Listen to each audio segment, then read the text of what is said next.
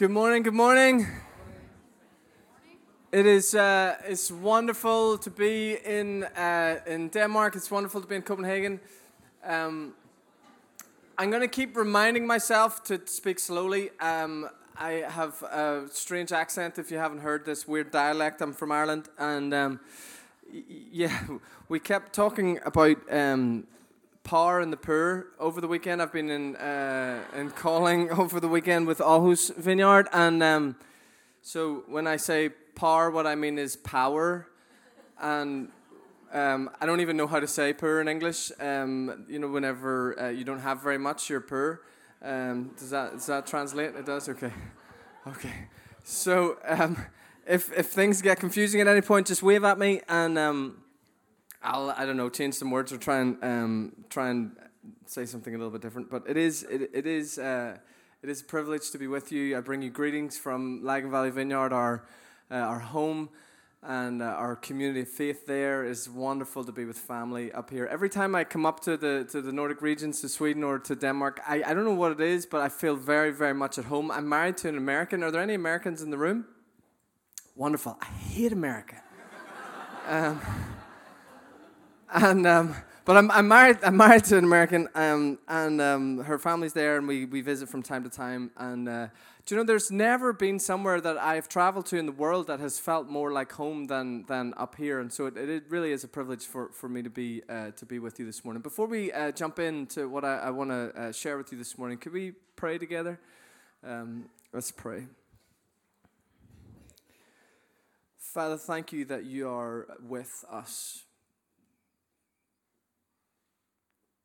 God, thank you that you're alive, that you're present, and that you're at work in the world. And we pray, Come, Holy Spirit. We want to hear from you today. In Jesus' name, I pray. Amen. So, one of the things that um, I tell our community at home that, and if you're not familiar with church, this might be helpful for you to understand. There's a really frustrating thing about Jesus. And the, the annoying thing about Jesus is that he's actually alive and he's at work in the world. You see, it's, it's much easier to um, just believe in a bunch of ideas or subscribe to some kind of theology or belief but whenever you meet Jesus and discover that he is alive and at work, he invites you to actually follow him. And that involves way more than just subscribing to some beliefs. And that can be uh, inconvenient, that can be costly, even, that can be a little bit awkward. I don't know what it's like in, uh, in Denmark, but at home, it, it feels like everybody is trying to avoid awkward like, like the ultimate worst thing that could ever happen to you is that you somehow find yourself in some kind of awkward conversation or awkward situation, and it's like, oh, quick, run away. And the reality is, sometimes Jesus invites us to do things that are a little bit awkward, or say things that are a little bit awkward, or get involved in things that are uh, a little bit awkward. You see, Jesus is. Um, he is remaking our cities and the lives of those that live there. That is what he's doing all over the world. The, the theological term for that is the renewal of all things. That as we get around Jesus, he invites us into way more than just sitting in a church service. He invites us to join in with what he is doing in the everyday, ordinary parts of our life. That following Jesus is way more about what happens this time tomorrow and Tuesday and Wednesday, even than it is in these moments together. And we gather at the weekend to remind ourselves of the story that we're a part of, to connect with God together, and to be fueled and inspired to go back into our everyday, ordinary lives, joining in with what Jesus is doing there. And that can be tricky and hard to figure out. And so I want to um, share something from the book of Nehemiah for you this morning. I don't know if any of you enjoy to read. Um, I, I, I quite enjoy reading whenever I have the time. And my favorite genre of literature would be biography or autobiography. that see, it's one thing to read a commentator's version of some significant events in the world. Something crazy happens and somebody else writes about what they saw or observed, but it's a whole other thing to read about the people who were actually involved in that thing, how they experienced it, and how they reflect upon it, and what they think about it. I remember about 10 years ago reading Nelson Mandela's Long Walk to Freedom. I think that title should just be called Really Long Read. Um, I don't know if you've ever seen it, it's just enormous. It's his biggest book ever. But it was absolutely fascinating reading his own reflections of what happened in his life. And this book that we're going to look at this morning briefly, the book of Nehemiah, is that it's an ancient memoir. It's actually written by Nehemiah. And it's his recording and reflections of what God did through his life in rebuilding a city. I think it's absolutely fascinating. And we're going to start in chapter 2, but let me give you a recap of chapter 1 really quickly, okay? So, Nehemiah chapter 1 Nehemiah is a slave in a foreign king's court. Okay, so, so he's been taken into exile and he's a slave in this faraway kingdom and his brother comes from home to visit. And he asks his brother, How are things at home? And his brother tells him that the city walls of Jerusalem have fallen down, that the gates have been burned, and the city is in ruins. And the text records that he weeps for days. His heart is broken. And it says, For days he mourns and he weeps and he prays. And he begins to pray and he begins to confess how awesome God is. And then he begins to repent for where he has been part of, I guess, the problem in the world, for, for where his family have kind of made mistakes, and for where his entire nation has gone astray. It's quite a, an amazing moment where you read a man repenting on behalf of a nation. And then eventually he decides that he's got to do something about the walls. Now remember, he's a slave.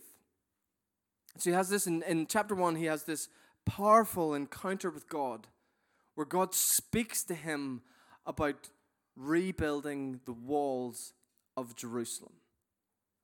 But he's a slave in a foreign king's court. It's one of the things that's important that, that you notice is that usually when God speaks to us, he invites us to do impossible things. That's why, if you read through the Bible, almost every time God speaks to somebody, He tells them, Don't be afraid. Every time. Don't be afraid. Don't be afraid. Don't be afraid. And some of us get stuck waiting for what it is that God wants us to do because we feel like we've got like these daydreams of impossible things, but well, that couldn't be God because they're impossible. Usually, they're the only kind of things He invites us to do. And so God speaks to Nehemiah in chapter 1 and breaks his heart for the city walls and all that kind of stuff. And then we pick it up in chapter 2. Let me read this for you. It says, In the month of Nisan, in the 20th year of King Artaxerxes, when wine was brought for him, I took the wine and gave it to the king. I had not been sad in his presence before. So the king asked me, Why does your face look so sad when you're not ill? This can be nothing but sadness of heart. I was very much afraid, but I said to the king, May the king live forever. Why should my face not look sad when the city where my ancestors are buried lies in ruins and its gates have been destroyed by fire? The king said to me, What is it that you want? Then I prayed to the God of heaven, and I answered the king, If it pleases the king, and if your servant has found favor in his sight, let him send me to the city in Judah where my ancestors are buried, so that I can rebuild it. Then the king, with the queen sitting beside him, asked me, How long will your journey take, and when will you get back? It pleased the king to send me, so I set a time. I also said to him, If it pleases the king, may I have letters to the governors of Trans Euphrates so that they will provide me safe conduct until I arrive in Judah? May I have a letter to Asaph, the keeper of the royal park, so he will give me timber to make beams for the gates of the citadel, by the temple, and for the city wall, and for the residence I will occupy. And because the gracious hand of my God was on me, the king granted my requests. So I went to the governors of the Trans Euphrates and gave them the king's letters. The king had also sent an army, sent army officers and cavalry with me. When Sanballat the, Har- the Horonite and Tobiah the Ammonite official heard this, they were very much disturbed that someone had come to promote the welfare of the Israelites. It's a bit of a crazy kind of moment where Nehemiah comes to the king and eventually gets sent back to go and rebuild the walls of his city. But I wonder, do you ever notice when you read the Bible, sometimes there's like random details that don't seem overly significant. Like sometimes you get the texts that are just big long lists of names or other kind of random bits. And I don't know if you're like me, I just usually skip those bits and get to the, the, the more interesting parts of the story. Um, chapter 2, verse 1, Nehemiah says, In the month of Nisan, in the 20th year. Kind of random. It's just like a date, right? And Nehemiah seems to, to be doing this on purpose because if you look at uh, verse 1 of chapter 1, it says, In the month of Kislev in the 20th year. So it's Kislev is the month that his brother comes and tells him that the walls have fallen down. And that's when his heart breaks. And that's when God speaks to him. And that's when he decides that he has to go and rebuild the walls. Here's what you need to understand Kislev was around November, December in our calendar year. Nisan is around March or April. Why is that significant? Because after God speaks to Nehemiah powerfully about what he wants him to do, he has to wait. He waits. One of the things we have to understand about joining in with Jesus in our everyday, ordinary lives is that waiting is part of the process. Waiting is part of the process. I wonder have you ever had a moment where God spoke to you powerfully about a thing? Maybe in a church gathering like this, maybe in a small group, maybe at a conference. Somebody was talking about something and you found yourself like moved.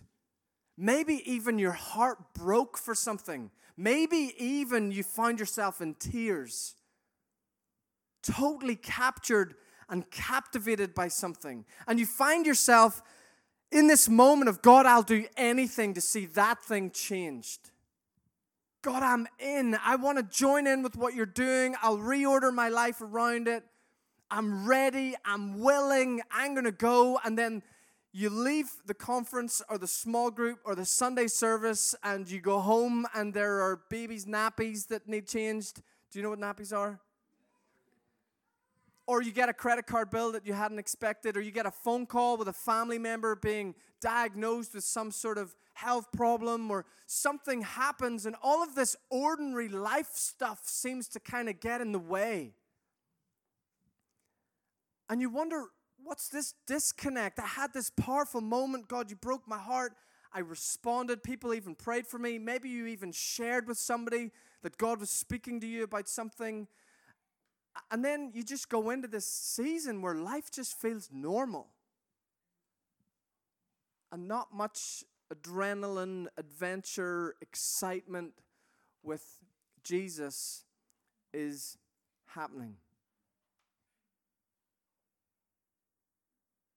None of this is helped by the fact that we live in the glorious age of now. We are addicted to now.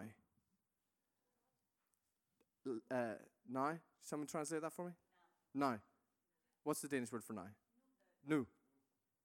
We're addicted to new. we want everything now. Like, I don't know if this was the case in Denmark, but there used to be a time in Ireland where uh, TV shows had like an episode a week. Like, they came out and you had to wait seven days for the next episode. Do you have box sets up here? Like, where you can watch an entire, like, five seasons in a weekend? Do you guys have Amazon Prime? You know, you order something and it arrives the next day? And you pay you pay money for that. And um, this is really funny. So whenever I order books on Amazon Prime, if I order a book and it's supposed to arrive the next day and it doesn't, I get really annoyed. Now, the reality is, my reading list is usually about five or six books deep. So it's probably at least a month before I'm actually going to get to that book. But Amazon has promised me if I buy it, it's going to arrive tomorrow. And I don't want to wait. Our culture is rampant with impatience. We don't know we don't know how to be patient. And we want everything now. That's a problem. Because God's kingdom and God's pace are not the same as ours. God doesn't seem to be as addicted to the immediate as we are. In fact, my observation is often it's the opposite. Is often the more important the thing, the more waiting there is. Why? Well, you see, whenever God speaks to us, we discover who He is. Whenever God calls us, we discover something about God. So, whenever God spoke to Simon and Anne about going to Aarhus, what we discover in that moment is God cares about Aarhus. Who knew? Maybe even more so whenever God spoke to Thomas and Sarah about Odense. Why did he do that? Because God cares about Odense. That's even more surprising. Whenever God spoke to somebody in this community about providing Christmas presents for boys and girls across your city who otherwise wouldn't have Christmas presents, that's because God cares about boys and girls in the city who aren't going to get Christmas presents. When God speaks to us and calls us, we discover who He is. But in the waiting, we discover who we are. It's in the waiting that we bump into ourselves. And it's in the waiting that formation happens. And that's really, really, really important. That if we are going to learn how to occupy the mission of God in the world, then we need to allow God to shape our souls in such a way that we can actually carry the things that He wants to place upon us. It's not about just running straight into the thing whilst we're still maybe a little bit arrogant or prideful or while we still think it's all about us. Whenever I was 18, I uh, began to follow Jesus. And God spoke to me really powerfully about Ireland and his people and church planting and all of this kind of stuff. And I was a bit of an arrogant teenager, so I told everybody. And I ended up moving to Los Angeles and working for a church in LA for a while, and I would come home in between. And the plan was for me to end up in Dublin um, and planting a church that was connected to the church we were in LA. And before we um, got there, a friend of mine was going to plant uh, one of these churches in Sydney, Australia, and he said to me, Andy, why don't you come with me to Sydney and be a part of this church plant for a while before you move back to Dublin? I was like, that's a great plan. And so I was telling everybody that I was moving to Sydney for a while and then going to end up in Dublin planting this church. And um, I was going to get married. My, some of you maybe have seen or met my wife before. Um, we were going to get married. Dana's from the States, and then we were moving to Sydney and then going to eventually move back to Dublin. 10 weeks before our wedding, I broke my leg really badly. I needed to get it screwed back together. And I lost my job. And this is uh, September 2008. So just the middle of the financial crisis and all of that sort of stuff. And our budget for moving to Sydney, all the, the money that we'd kind of planned on the, the job I was doing was, was gone because I, I couldn't work. I was running the sales for a friend's business. And so we had to cancel the trip to Australia. Dublin is one of the most expensive places to live in Ireland. That wasn't going to work either. And a friend of mine had bought a little house in a nowhere place in Northern Ireland called Portadown. and he said, Andy, why don't you and Dana move into the house? Don't worry about rent until you get a job, and um, we can figure that out later. And I had 90 days before I had to put my new wife back on a plane to send her home to America because uh, our government wouldn't let me apply for a visa for her until I had a job making a certain amount of money every month.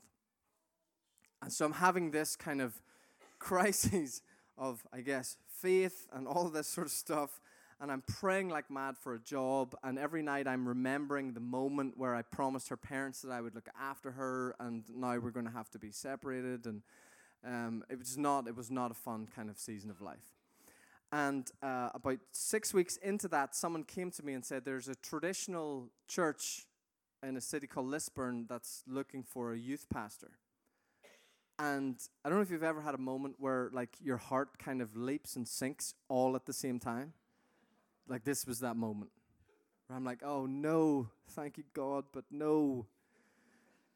So so I applied for the job, I got the job, then I got to stay, and I end up in this really old, traditional, kind of dysfunctional church.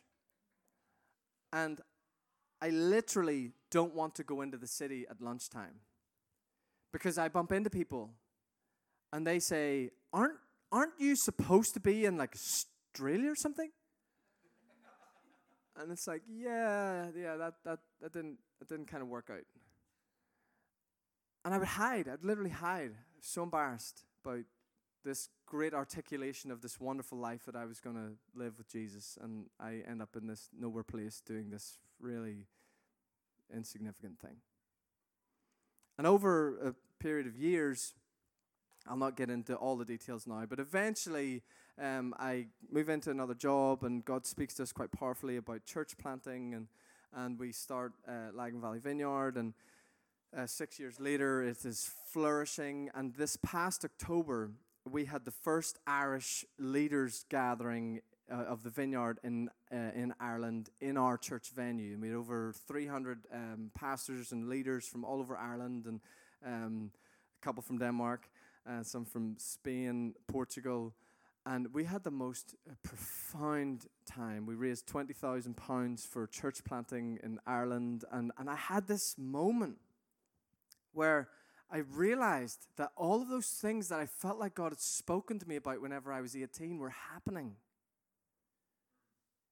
Like it, it was like a beginning and an ending all at the same time, and it was completely overwhelming. And do you know what the thing I realized after? So, this is 15 years later.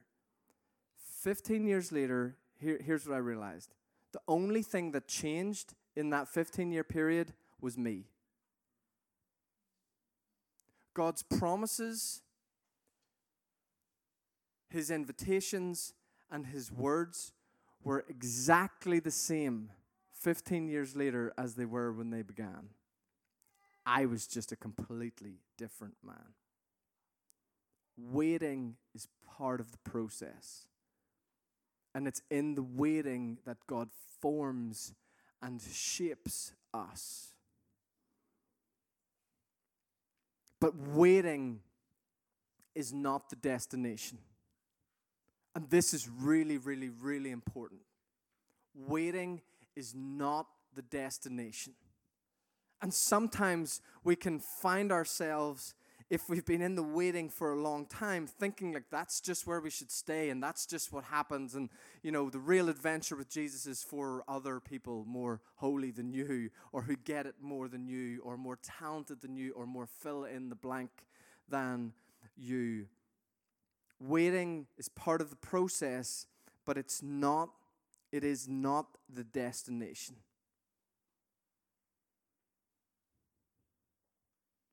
It's not the destination.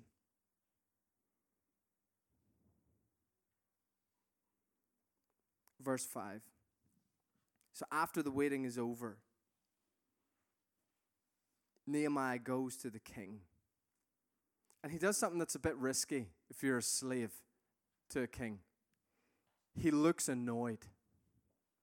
I don't know if you know this, but uh, whenever you're a spouse, you can look annoyed. Like, it's maybe not good advice, but you know, it's okay to be grumpy in the presence of your husband or your wife. If you're a slave, it's not okay to be grumpy in the presence of your master. In this context, you're literally likely to get your head chopped off. Like, you don't get to be a slave bringing a king his wine with a kind of like, I'd really rather be doing something else attitude. So Nehemiah comes to the king, and the text says that he's really, really sad. And the king looks at him and says, Why does your face look so sad when you're not ill? This can be nothing but sadness of heart. And Nehemiah records here, for the end of verse 2, says, I was very much afraid. Like you get the honesty of this moment. His heart has been broken. He has been lamenting for months about the state of his city. And he brings the king his wine, and we don't know if he's being strategically sad or if he's just sad, right? We don't know if he's trying to take a risk here and like invite the question or if he's just overwhelmed with the state of his city. It just says that he's sad. And then he says, I was very much afraid, but I said to the king, May the king live forever. Why should my face not look so sad when the city where my ancestors are buried lies in ruins and its gates have been destroyed by fire? If we're going to learn how to join in with what Jesus is doing in our city and all around us, we need to understand that waiting is part of the process. And then, secondly, that obstacles are invitations. Obstacles are invitations. Like I said, Nehemiah is a slave. And he's asking for something that is utterly impossible. How many slaves basically get to ask their masters to set them free? I don't want to be here anymore. I'd rather go do something else. Like, that's a, that's a crazy thing to say to your master whenever you are a slave. He might as well be asking for the moon. He's probably never had a day off since he became a slave. Never mind an entire change of job description where he gets released to go and do something. You see, waiting is part of the process, but waiting is not the destination. But whenever you begin to move out of the waiting, you bump straight into obstacles. There are lots of things that seem to appear in your life or your circumstances that can be pretty overwhelming. And they're designed to make you sit down and stop moving. One of the things I love about this community is your commitment to give away your best. And I love how over the last 18 months you have repeatedly done that and how Denmark is changing because of it. And you probably don't get to see that because you're still here. We spent the weekend with around 100 people from Aarhus gathering around Jesus and the gospel. And what is happening in that city is just profound. But it doesn't happen if you don't give them away. And so you've done all of this giving. And I feel like actually for Denmark, one of the, um, I was praying for, for, for Denmark last week, and I, I feel like one of the things the Lord said to me is the tide has turned. That you've seen uh, church and spiritual decline for years, but the tide has turned. And the crazy thing about the tide turning is that it turns when it's most farthest away. And the moment the tide turns is almost impossible to see. You don't see it for until moments afterwards. I feel like as a nation, I just want to offer that to you, not just for the vineyard, not just for Copenhagen Vineyard, but for Denmark. Feel like the tide has turned. And over the coming months and years, you're going to notice as the tide begins to come back in, and you've been at the absolute forefront of that, planting four churches last year. But what do you do with the commission for here in Copenhagen when you've just given so much? The waiting time has been over. You've got there, you've sent your best. And yet there's still work to be done here, and you can see so many obstacles obstacles in resources, obstacles in finance, obstacles in people.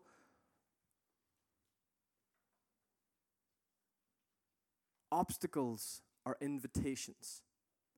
And whenever you can learn to engage with obstacles as invitations, not intimidations, things begin to work.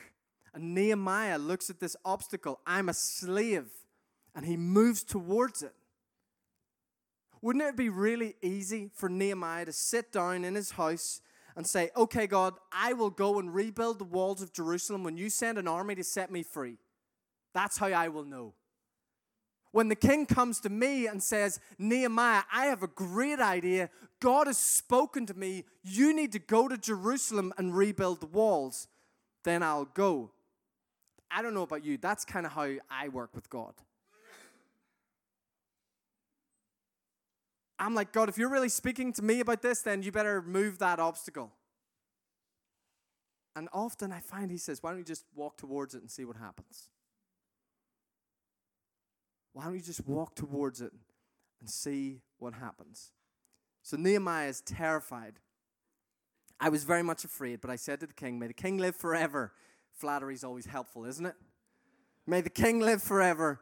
Why should my face not look sad when the city where my ancestors are buried lies in ruins and its gates have been destroyed by fire? Then the king said to me, What is it that you want? That's a big question, right? I wonder if Jesus asked you that question today, would you have an answer?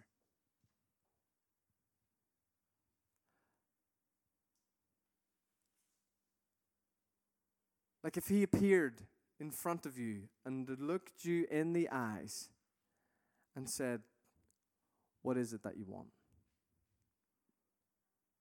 I wonder how many of us would go, I never thought about that. I, I, didn't, I, didn't, I didn't really, I didn't, I didn't really, uh, um, I, I didn't think you would ask me that question. See, part of the waiting, that gets clarified. And so the king asks Nehemiah, What is it that you want? And then it says, I love this. It says, Then I prayed to the God of heaven and I answered the king. What is it that you want? This is what happened, right? So the king says, What is it that you want? And Nehemiah prays one of the best prayers you could ever learn to pray, right? Sounds like this Help! I'm sure he didn't shout, but that's probably what happened in his head, right? So the king comes and is like, What is it that you want? And Nehemiah's like, I just prayed my best. God help me prayer. And then he says, If it pleases the king, and if your servant has found favor in his sight, let him send me to the city in Judah where my ancestors are buried so that I can rebuild it. Notice how clearly he articulates what it is that God has placed on his heart to do. I wonder do you have that level of clarity for whatever sphere you live in in your everyday, ordinary life? Whether it's in business or in media, in teaching and education, raising your children and being a good neighbor with those that live around you.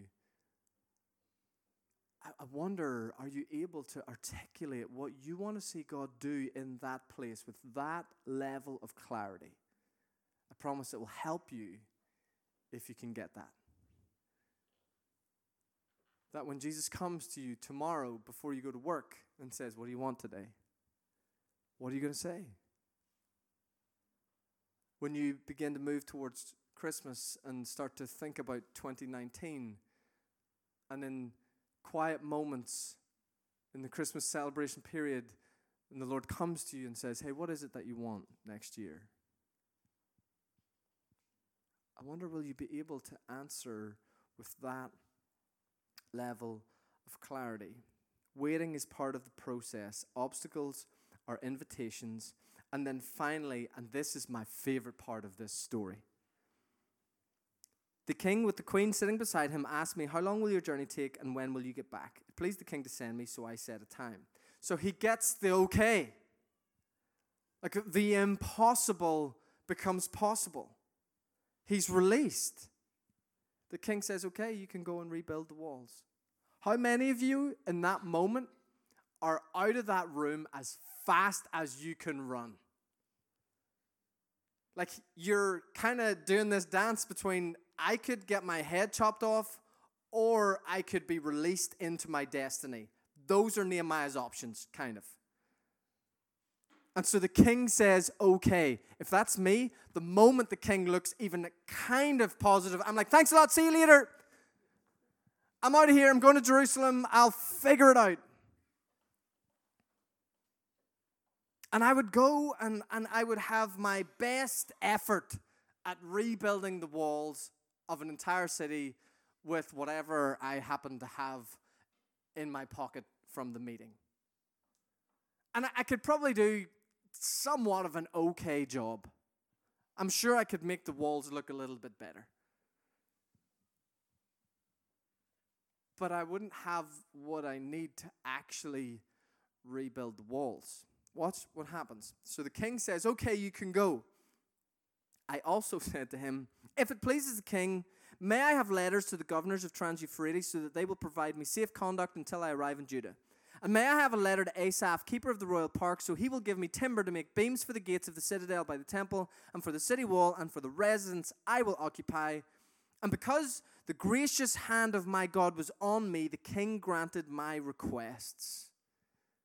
The king says, Okay, you can go. And Nehemiah says, By the way, will you pay for it? It's crazy.